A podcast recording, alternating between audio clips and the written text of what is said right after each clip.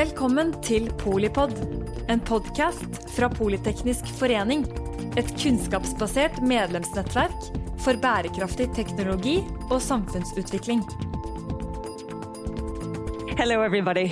My name, uh, as you just heard, is Kimberly. It's uh, it's just such a pleasure to get invited here. I uh, I do spend a lot of time with leadership teams, with board teams all over the place. I spend a lot of time on different stages, but to have the opportunity to come here and be sort of among you know like-minded people, curious people, technical people, you who are deep on various different subjects that I'm sure digital has rather uh, come to the, your part of the world um, and to be able to first let me share some thoughts, but then I look very much forward to being able to mingle around the room and hear how this resonates and hear how your experiences match up or how you would see it differently or take it farther. So Polytekniska Foreningen, uh, 1852. Whew. I uh, looked that up last night, in fact, because I thought you all have been around for a while, or this institution has been around for a while, whether or not you uh, you have or not. So I actually find it interesting to think about, you know, in the walls of this institution, how much learning will have occurred over all of those many years. And I wonder if your experience, though, is a little like mine lately, in that I would say, I jumped into Microsoft three years ago, and I would say I have learned an unbelievable amount of things in three years. But actually, maybe more important to uh, where I am today on my journey is perhaps my willingness to unlearn what I had learned the 20 years before that. Ah, and I see some of you nodding. And I really truly mean that, not as a cliche, but if you're like me, I've spent 20 years in, in rather established industries in many different countries. I'm an engineer. I started life running factories for Procter & Gamble in the, in the United States, soap and paper factories. And then I worked across consumer products. I worked in pharmaceuticals. I worked in Japan, lots of parts of Europe, North America, South America. And then I joined the tech sector in the middle of a world that's trying to grapple with new technologies and digitalization in a crazy place called Microsoft, which had a little bit to do to transform itself. And that's sort of my setting for saying, gosh, there were so many things that I needed to question about all that best practice that I had learned and taken with me. And so that's the note to, to probably hit first. And then, you know, connected to learning, one of these things that came up for me very early on in my then in my experience hopping into Microsoft was this notion of, or was this experience of a company, a large company, which was incredibly agile. I started to see this large organization starting a very big change. And this idea of being able to build the airplane while we're flying it, while it's up in the sky, was just something that resonated so deeply with what I was seeing we were a business which was, uh, you know, carrying on with, with, a lot of pressure, a lot of revenue, not uh, not necessarily in any way meeting the transformation that needed to happen. Yes, but we were a business that that deeply needed to keep an airplane in the sky, which was worth a ton of money but at the same time, transform absolutely everything about our companies. And more and more, as we just heard this digital transformation word sweeps across, nobody, or tell me who gets to put the pause button on. Like, who gets to just stop and think about life for a while and contemplate a business model change of huge proportions, right? We don't get to do that. So the duality um, that we have to manage, you've heard these words bimodal in these things, but it's absolutely more true than I think it's been, I don't know, I don't know, forever, that we've got to do multiple tasks and do them very well. We've got to keep cash cows growing or preserved to some extent while we engage in pretty dramatically new sets of things. And so I will also make the comment about learning. In my experience, the place where learning occurs fastest and most intensively is if you've got the airplane in the sky. If you've got your minimal viable product up in the sky and you get immediate feedback, if it goes up or down, it's a very good place to learn fast. And I would argue that speed of learning is more important ultimately right now going forward than even just this monstrous word learning in itself. So those are the notions behind building the airplane while we fly it. I have, where's my clicker? Do I just click like this? That one there. Let's see how we go. So I have an ambitious uh, now uh, 23 minutes ahead of me, um, and then uh, we can get into some dialogue. But I like to start to place with, we think about building the airplane while we fly it, uh, Norge AS has to build uh, a rebuild a lot of parts of its wings and its motor, and it's, it's just about perhaps everything on this plane that's up in the sky called a country, while we figure out uh, what, yeah, sorry, while we figure out what we're going to do um, with the world to come. Do you know this thing, the Perspektivmeldingen? I, it's uh, for those for those of you who don't uh, know the word or speak Norwegian. It's uh, our best economic forecast of where we think this country is going, and this is the graph, which are which I think is extremely telling out of this very dense document that I don't know if anybody's read cover to cover. Um, this is our GDP growth projected for the decades going forward. And here they look at, of course, all the things about demographics. They make some judgments around our oil industry. They look at, you know, broad-based trends in the world. And then they project what they believe our growth will be across the decades to come, GDP per citizen. It's actually a pretty strong wake up call in this Perspektivmeldingen if you want to read it and really absorb what it says. This red line is basically what they project going forward as kind of the as is case, which looks, it's supposed to look like a curve, Yana, an exponential curve. It doesn't look very exponential to me. Does it to you? Then we have a blue line here, or a blue curve, which truly has some kick to it. That curve says something extremely important to us. It says what Norway is going to have to achieve in terms of growth to simply maintain our quality of life, to simply maintain our quality of life going forward. And what looks really tiny on the graph is actually a very, very big increase in productivity, in job growth, in economic growth. That's what we have to actually go out and achieve as a nation. We have to bend the curve pretty dramatically. And when we step back and we reflect, how are we going to actually be able to bend that curve? Hopefully, you are sitting with that dilemma. We all need to sit with that dilemma.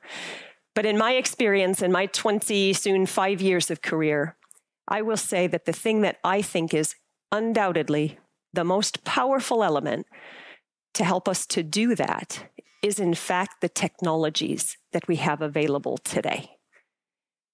I really believe that. But of course, the technologies are not much good unless we have a nation with the right mindset and the right competencies to make use of them. Yeah, I think it's that fundamental. So when we talk about technologies, the world I work in very, very deeply in Microsoft is about a specific set of technologies, right? The cloud, data centers, but not just machines, because we've had those for a long, long time, right?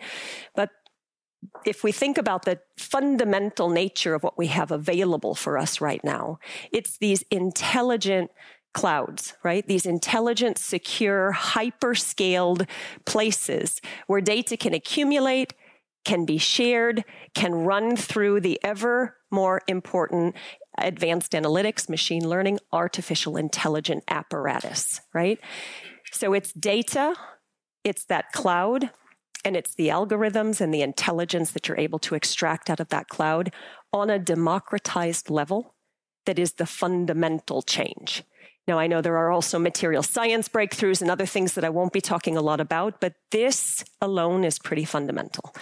And so when Microsoft Norway was able to get investments from Microsoft, the corporation, when every other country in the world is competing hard for those investments, we got them early in this country. We got them earlier than Sweden, which everybody loves to compare to. we got them earlier than you know Denmark, Finland. We knew we would see investments from Microsoft, or we had a good feeling in this part of the world. We did not know that we could get them to Norway, and we did it, and we did it before a lot of other countries as well. And that's fundamentally important far beyond a Microsoft business. But this is, this is Norway's government creating a data center strategy, right? They want a data center industry to blossom here for the economic power that it will have as one of the biggest growing industries in the entire world. But much more fundamentally than that, because this infrastructure, if you will, this digital enablement is in fact the equivalent of taking a massive amount of the world's R&D and putting it in the soil next to the good oil that we've had for a long time. It's putting that infrastructure resource for free into the ground in our country here in Norway. This is digital capability, digital infrastructure. This is, I would argue, what's moving us forward to these bold words that I use and I believe in. This notion of digitalt lykkeland. Yeah? And I hope I don't have to explain that too much. We can ask our neighbors, otherwise, I'm going to lose all kinds of time up here. But I, I, this idea that when the infrastructure comes and the ecosystems are available, everything that Norway can compete at and is, is, is very, very well suited to compete at and is very good at can play and can breathe and can build on top of it. And this global cloud technology whoever company is, is, is an airplane, it's wings for a global expansion for Norway right? So I believe this is extremely fundamental for the country. I'm not the only one that believes that. And there's a lot of evidence that a lot of people, a lot of companies believe that. I'll start with Equinor. The fact that we landed our data centers in this country when we did also has something to do with Equinor's maturity and readiness to move to the cloud. In the last three years of my time in Microsoft, I've seen the cloud go from a place that people worried about is it secure enough? Is it mature enough? Is it ready enough? to a world where people say our best chance for security and certainly for economic growth is the cloud. And when Equinor decides to put all of its data and the petabytes that it will generate in the future on a public cloud, that, by the way, lands in Norway. So the data sovereignty aspect, we can have that data here. It's pretty profound, right? It says a lot about the state of play in technological development, i.e., the cloud and where we're at. So Equinor is focused on doing pretty fundamental transformation in just about every kind of metric you can think about and how they find oil, how they pull more and more oil through, how they effectively run their operations, how sustainably they run their operations. You can link almost all of that back to a data driven ambition that they're, they're practicing and developing now. But we have many, many examples of a kind of new kind of industry growing up. This country isn't ahead on everything. It's ahead on several important things, though. It's actually one of the early builders of business to business digital platforms. If you tell me the name of a large company in Norway today, I can probably tell you a name of their digital platform. And those are names you might not know so well yet. But if they play this right and their belief comes through, you will maybe know those platforms better than you know the companies themselves, or, or certainly the world will, right? So if you say DNV then I'll say veracity. If you say Equinor, then we'll say Omnia. He just said it too. If you say Kongsberg, then I can say Kognifai. Agder Energi, it isn't only for the mega, mega big, then I'll say nodes etc., etc., etc. Yes? This is not accidental. This is what these companies believe they'll be exporting in the future. It'll be digital solutions and it'll be the, they'll be based on these platforms and these early days on these platforms. And there's lots of interesting conversations about what these platforms will deliver, how many platforms will there be, um, how will they mix and mingle, what will the world look like? Will it be one? I definitely do not see a world where it's one platform. The data world on top of the digital infrastructure world is going to be, in my view, extremely varied, and it will flourish and it will be robust. And Norway has everything to think about positioning itself well for globally there are plenty of games in that game that we can win as a nation. Vipps, we shouldn't think only industrial, because a platform like Vipps, which is also on Microsoft's Azure, is extremely interesting, fundamental. Vipps has changed a certain level of our life and our habits in this country. But of course, Vipps won't stop at our borders. They want to now expand everything they've done internationally. That's a very competitive game. There are a lot of countries that started to do a Vipps like activity, you know, long before our dear Norwegians did. However, they're going at an international expansion. Och vi hejer på det. Of course we do. Whether they can achieve it or not remains to be seen. But one thing I think I can guarantee you if they were not innovating at the speed of an airplane in the sky, if they were not on a hyperscaled intelligent cloud, they would have zero chance at succeeding. I think I can say that very bastantly, if you will. So it's not the only ingredient, but I would argue it's an essential ingredient. And there are more fundamental things going on with the technology already in this country right now than economically providing better lives for us. This is also about saving lives. And this is out of the University of Oslo, Rikshospitalet, some pretty progressive surgeons there that decided this, this little heart here, this is a pediatric heart. This is a tiny baby's heart.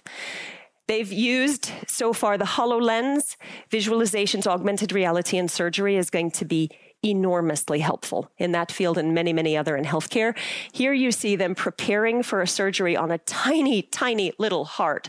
Can you imagine trying to go in and fix a hole in a beating heart that's that small? So before they walk in the door, they throw these on their heads. They throw up the scenarios. They walk around them. They spin the heart. They understand all of the, the traversial cuts. They understand what they need to do architecturally to fix that heart it's pretty amazing stuff, right? And it's just getting started. So, those are some of the things about what are happening out there. They're all being built, of course, on these artificial intelligence components. And I just want to land the point before I start talking about the mindset to use all of this stuff that you may have heard or been involved in, maybe even have patents in in this room, algorithmic um, achievements of grand proportions through time. You may have said this AI stuff is not anything really new because we've been working on it for decades and decades. So look at the milestones that have been achieved of where these capabilities that humans have are now being able to be done better by computers on an isolated capability level. It's only been in these last years that we've actually achieved parity or better on these capability levels. Now, that's a long way from this thing called artificial general intelligence, right? Where you put them all together and you actually mimic the overall capability of a human or, or try to better it. We still believe that we're decades away from that. Yeah, some people say 80, 100 years still, but you know, watch this space, it all changes pretty rapidly. But I think it's quite interesting that vision to see better and know what you see better than a human, computers started to do it better than, than us in 2016. Speech recognition, reading comprehension, translation, and this is where we start to see things get very, very exciting already now. Speech synthesis. That means being able to see words on a paper and create a language out loud with a human like representation. We can now see that computers can do that better than humans. So already now, everyone should be asking themselves how they augment what they're already doing in their companies with these capabilities. Of course we should. Why would we not? If we have a capability that's in fact augmentable and better on an individual unit level than what we can do ourselves. Uh, we must, we must move into that space, right? I'll skip that. It's fantastic, but I don't have time. Um, so, this is some flavor of the big research bets of one company, of a Microsoft. Yeah. Mixed reality, which I haven't been able to even touch on and blow up. It's a, gi- a gigantic difference maker in all of this artificial intelligence and, of course, quantum computing, which we can also talk about another day. It will be fundamental. But all this then, this is to demonstrate what's a bit of what's happening in the fabric, right? The imperative for the country, but then all this is about how do we use it? And that's where the article that you got in advance, that's where the culture, that's where the mindset comes in. So then we're back to how do we build a culture that loves to not struggles through, not hates it, but actually thrives. And there's nothing better in the world than saying the challenge of having that airplane up there and inventing and reinventing ourselves. That's what we love to do. How do all of these big industrial companies or all of the small companies that are part of those ecosystems and have an enormous opportunity, how do we do it? Well, Microsoft had to figure out how to do it. We had three eras in Microsoft Bill Gates, we did pretty well. This is a list of the most valuable companies in the world. And already by 1998, we had achieved some pretty phenomenal success. And Microsoft was at the top of the list. Then we had another area, era, right? The Steve Ballmer era. There's only been three CEOs of this company. And you can see that the world starts to, but it's still pretty heavy asset world, right? You see oil looking pretty good here in the middle, and you see Microsoft stock price. We were an extremely successful, valuable, profitable company through a long period of time. But do you see any growth in the stock price during that period of time? That was highly irritating for Steve Ballmer. that despite everything that seemed to be going so well, that thing was as flat as a pancake forever during his term. And in fact, it started to get much worse than that because around here, we started to see that a bookstore could change the world with a whole different business model. We started to see some incredibly, undeniably dramatic things that, despite the fact that we didn't want to go off of the kingdom we were in, why would you? Microsoft sat on the most profitable hill in the entire kingdom, if not world, as many businesses will have done, right? You will be sitting on a very, very profitable business, and maybe you don't want the world to change. We didn't. And we almost lost the entire company because we were so good at ignoring it and not wanting it to change, right? And then, thankfully, we didn't lose the company. Thankfully, we pulled it back. And that is one of the most interesting, I would argue, business transformations of our times in terms of what we can learn from it. There were plenty of things that were done badly wrong uh, but many things that, in fact, I think the evidence is there that, that says we're onto something good, right? So, what is that something? There's an engineering strategy change of huge proportions that lies under this. And most people, when they talk about a business transformation, they might focus and only focus on the smartness of a business strategy change. For us, going from an on premise, closed business strategy to basing our future on the most open protocol that you find, which is the internet, which is fundamentally what a cloud runs on, right? Was not easy, even if we were badly threatened and had to move. And yet we opened up, we did dramatic things with our business model. We became all about cloud. We taught 30,000 engineers an entirely new paradigm of how to think about programming for the world, we went out, yes, 100 and, oh, sorry, 150,000 globally. We have 600 in Norway. 600 in Norway. 300 are developers.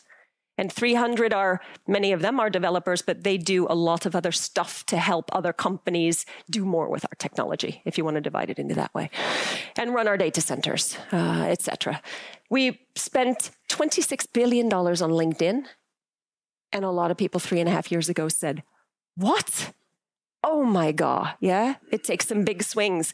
We promoted the world of CRM and ERP. We said this is a miserable world. Who loves being in an ERP transition?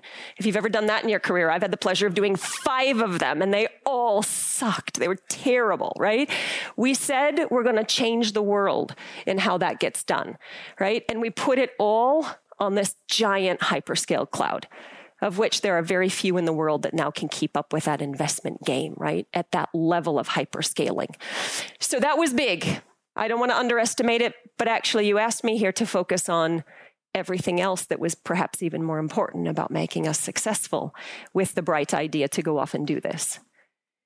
And that is culture. And we were blessed by an enormously important thing. The man who got the job when we went into this transformation. He's called Satya Nadella, and he is astounding in a way. He deeply, deeply impressed me, and then and I think all of us in that he's a digit head. He's an engineer. He wasn't even an insider running our cloud business when nobody cared about it. By the way. And he became CEO, and then to see him pursue a cultural transformation with just as much vim and vigor and thoughtfulness and insistence and resilience as he did anything to do with a widget or a binary or a qubit or in anything else was, was quite remarkable. Quite remarkable. In my experience, totally remarkable. that he managed to understand that and lead us in that way and see that. So he was smart enough as well to understand that we had an incredibly smart population of very a lot of a lot of engineers that don't really like culture, that don't think this cushy mushy stuff is anything that anybody needs to be busy with. He borrowed a paradigm from Carol Dweck, right? Some powerful work from Stanford University's Carol Dweck, who's done the most remarkable work, I think, in the world on growth mindset. He read her book, thankfully, a couple of, I think, a few months before he became our leader. And then he picked up on this and he said, you know what, we're going to need a powerful paradigm to reinvent this company. Because in fact, when you are on that mountain, when you are as successful as we were, without a lot of competition in your face, you become, you, you, you can have a culture that's really not empathetic, that really doesn't listen to anybody, that's super inside out, right? And worse, super smart people who didn't think anybody else's ideas were interesting. Their colleagues or their customers or their partners. Yeah, maybe I draw it a little far, but actually, I'm not sure I draw it so far. so, we needed growth mindset like crazy. And that he borrowed this paradigm, that we had a shape around it, a reference point for it. It gave it some kind of a credibility in a way. It wasn't just mush and mush, yeah? And we started to say, what is a growth mindset anyway? We started to say, we fundamentally believe that a fixed mindset that we've so gotten so good at practicing, right, is limiting us. A, a, growth mindset believes that every day you can wake up and you can say, hey, if I have a runway not to be perfect, but to screw up here and there and whatever, as long as I learn, all of us learning together, the world will be super dynamic. There's nothing I cannot do. If I've never led an agile team before, I just haven't done it yet. If I've never understood anything about machine learning before or how to, how to code in that way or how to talk to a customer, a bank, an oil and gas customer, I just haven't done it yet. So, collectively as a company, if we can get our ears on our empathy in the right place and start to grow and grow and grow and line up everything around the opportunity for a culture to not slam into each other, to not measure each other by how cerebrally fantastic they were in that moment, but everything else along these other dimensions that matters, then you start to make things happen. And that's at the fundament of what we really made happen. And there's some things in the article that, frankly, are in the really early days. As we've kept going on this, you know, when you start to really dedicate yourself to a growth mindset, you do find out that you, you have to change nearly everything about what you do. You, you of course, look for a different kind of leader. Because if you go and you promote people with fixed mindsets, how fast do you kill the entire credibility and momentum of this? At lightning speed. Nothing kills it better. So we had to think about who we promote. We had to think about how we develop people because a fixed mindset to a growth mindset, you also have to believe everybody can develop a growth mindset. Everybody. It isn't for the 20 year olds. It isn't only for the 60 year old. It's everybody, wherever you come from, can develop a growth mindset. So how do you open up a culture and let them do that? How do you do business reviews?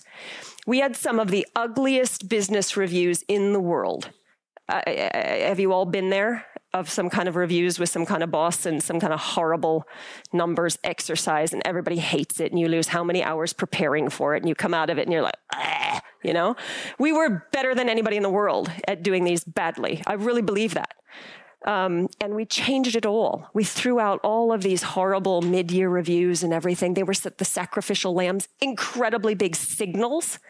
When Satya said, We're not doing those anymore, gone. I mean, like, geez, the entire company shook. It was so phenomenal. And then these reviews, we truly dedicate ourselves to reviews today where we learn we learn and we get insights. When we do global reviews, we learn from around the world. They're actually super interesting to sit in on for all of us too, because we're hearing what's being done in Australia, what's interesting about what's happening in the US. Why did the gaming universe in South Korea just go crazy? What the heck happened out there? You actually learn and you learn and you learn. Imagine that. If all of your reviewing was more drawn out to helping you grow and pushing you forward. Yeah. So growth mindset permeates everything we do. And regularly you can find evidence in our people and how they interact with our partners and customers where you see it shining through. And of course, you see moments all the time where mm, we didn't quite get it right. But that's the nature of the beast, right? So, as long as the whole thing is moving in the right direction, as long as there are, in fact, social consequences inside the company, which is beautiful to see. If we have a really bad review, the wonderful thing today is you get a lot of noise in the system immediately. People are like, that is not growth mindset. That sucked. That is not what we want to do again. And it bubbles up and it's present and it's out there, you know? So these are the kinds of things that then become self fulfilling, right? And they bring you forward. So I know I got to be, be briefer. We formed a mission statement around this empowering everybody on the planet to achieve more. There are many levels to that mission statement. And for the first time in my life, I've experienced a company which actually is operating according to a belief that, I mean, they can have a huge societal impact. Much more so than any company I've worked before before, who also had big statements. So this idea of this burning platform, we all learned in school, didn't you? I learned from Kotter and everybody who came after Kotter, right, one of the most fundamental articles, right, about how to make change happen, that if you don't have a burning platform, your change program is sunk from the start. It will never work. I actually feel like I have learned so up close and personal that you that might be true the element of a burning platform was not lost on microsoft but you know what was so much more powerful it was purpose it was burning desire. And it was tapping into that and giving that wings and giving hackathons funding and giving our work for AI for good a purpose and having people attracted to a company who say, I'm a doctor. So why am I here? Because it gives me the best chance of curing cancer of anywhere I could work in the world. I'm not kidding. We have loads and loads and loads of people who whether it sounds so noble like that or it's a it's a it's an important cause to them you know people are people are there and the stories we're telling is imagine imagine who got to work with the physicians that did that heart stuff. Imagine when they come back and they tell the story and they're just so incredibly moved by what they've achieved. That's what burning desire is built on. And every one of your companies and us has the opportunity to tap into that. But my experience is, is that we do it badly sometimes right? We don't we don't leverage it sometimes moving from decision making hierarchical to a much more agile company, agile way of leading is also immeasurably essential. I'm not going to have a lot of time to go into that now, but I work with the biggest companies of Norway, also many medium sized and smaller ones. But I haven't found a very large company in Norway yet that isn't organized and dedicated and, and really, really pumps on this paradigm. It came out of the 50s. It works very well, organizing hierarchically and for efficiency and for productivity. It is the sauce that we've all been putting on our, you know, it's, it's, it's, it's brought us forward. And it's achieved many, many amazing things for us, right? However, if we're going to come close to being able to put airplanes in the sky and innovate up there, to beat our competition, to use the basis of technology that's available, this is absolutely going to have to be broken apart. So, how are you and your organization breaking it apart? Becomes the question. Not do you believe it? I hope. I still have a lot of those conversations too, because there's a lot of people that don't want to really believe it. But thankfully, the conversation tilts more into okay, how? How do we get that done? And there's a lot of, lot, a lot of exciting runway there. This one, Amy Edmondson um, from Harvard Business School, I, will give you that as a reference. She actually put some words down, which I just loved, about how she articulated a movement from execution as efficiency to execution as learning. And for me, I'm, I'm you know, I love, I'm an engineer. I always shape things and kind of where we're moving from and we're moving to. And I just loved this from and to. And she just, I think, wrote it so well around, you know, just look at these first ones. The old model for efficiency is leaders are providing answers. Yep, leaders are setting direction, right? Leaders are providing answers and, and, and, employees are typically following them. There's a ton of time put into detailed instructions about how we're going to operate, right? And then it takes a lot of time to update those in a dynamic world. The other paradigm is where we need to move to, where we remember that the role of leaders is largely to set direction, form good North Stars, form good people systems around it, and then switch your thinking from controlling and having reporting etc and giving direction to in fact just how do you enable how do you empower how do you clear out blockers? If all of us leaders could wake up every morning and get that right and say 90% of my job this week as a leader is to help my people learn and to help them get empowered help them get things done help them get in contact with who they need to help help them be agile and be effective and not control them and report them and tell them what to do. You see, it's a huge flip. And then structurally, there's a lot of things to pursue around how you do that. KPIs, I think, are incredibly important. Some people say, well, isn't this an old fashioned idea then, these KPIs? Mm-mm. I actually think we just measure the wrong thing. So very often, it's incredible. Go back and think about your company's KPIs. Think about what the top team or what you are saying you know we need to go do, transform. And then look at your KPIs and see if anybody's renovated them and if they actually hang together with what you're being asked to deliver. I guess very often we find a gap. We've worked a lot with this in Microsoft because we believe in KPIs like few companies I've ever experienced in my life. But then you have to be extremely attentive to having the right KPIs. For instance, around cloud and around customer success. We, uh, we didn't measure anything about customer success before. We didn't measure anything about our cloud business and adoption of our technology before. And now, before it became profitable, we did an incredible swing of everybody's KPIs in the company, swung to 30%. I actually think 30% is interesting. And without going into a lot of detail, we just, we didn't just tell people what was going to be strategically important in the future. We actually gave a number. So we actually helped guide people on how fast are we going to make the transition between, for us, an on-premise world and a, and a cloud world if that makes sense, because no business typically flips from something to something overnight. For us, it's probably a 10 year revenue transition, right? So you have to help people with how you're going to make that transition, how fast you're going to go. Yeah. Otherwise, you leave it to them to decide. And all too often, we're leaving, you know, a bunch of unclarity in the organization. And then I come to learning, which is so linked to growth mindset. We got to move all of ourselves, all of ourselves, our leaders, our companies, our, our individuals. We got to move them from doing this one off training, learning exercise to something that's much more equivalent to this picture, to always on learning. Does that make sense? But if you dedicate yourself to bringing always on learning into your organization, you have a lot of work to do to change a culture, which is used to doing it this way, which now has to learn in micro moments, in micro bits, every day, external exposure, totally a different dynamic around it. Easier said than done if you're a large organization with all of your processes and systems. Startups have a much easier time of doing this, right? It's be exposed or die tomorrow, right? So it's very, very easy to be externally exposed and learning all the time. And then finally, I don't want to don't want to miss the point around diversity and inclusion. I love this, this quote from Verna Myers diversity is like being invited to the party.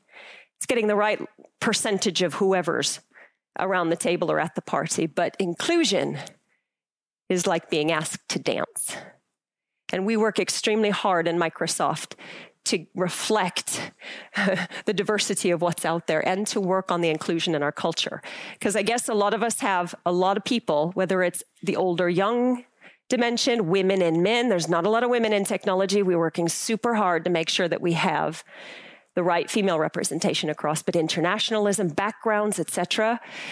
I just argue that it's never been more essential for everything that's happening with new business models and industries bleeding into each other and all of this stuff. If you have a top team that's been in the same place, the same industry, the same model of thinking, the same business model for 40 or 30 or 20 years, isn't it hard to sort of have disruption happen in the room? Isn't it fundamentally hard? But how many teams are doing that today? A lot of them. right? So it's an imperative for going forward and, it, and it's the right thing to do. I'll skip that because it's more of a summary. And my last note is just on if, if everything I said resonates around the opportunity in technology and, and, and, and sort of the thesis about a culture that can do something with it, then I don't I don't want to, us to ignore the obvious downsides that we also have to manage or the risks of technology that we have to manage. So some of the words that we worry about for good reason are up there. You know, what's going to happen to jobs, job displacement. Privacy is a huge topic. Income inequality, accessibility of technology. It's right to be concerned about all of them. And when we're concerned, we can translate concern to action and proactivity. And then we're getting somewhere. Some people believe the technology we have right now in the hands of developers, if you will, in the hands of then all of us, is so powerful that we should have a, the equivalent of what doctors have as a Hippocratic oath. Right? Doctors have to take an oath because they're going to have something so powerful as this medicine, this knowledge that can deeply impact our human life that they will do no harm so some people are advocating that developers who are in the space of AI must have the same.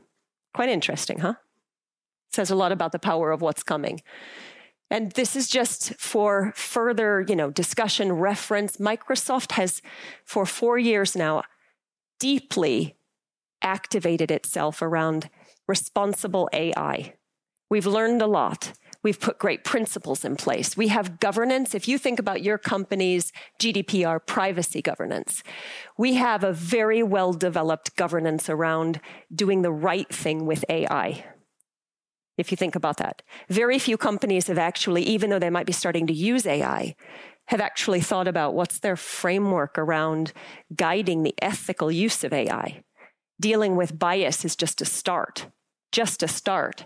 So we've ex- exercised that ourselves and offered thinking to the world. We've decided, of course, no company can do this on their own. So we've been incredibly active at cross disciplinary organizations, our own tech oriented, biggest AI companies in the world writing AI. Um, we've got them together in a partnership, right? We've been, we've been foundational in collecting here. There's 60 companies working on it.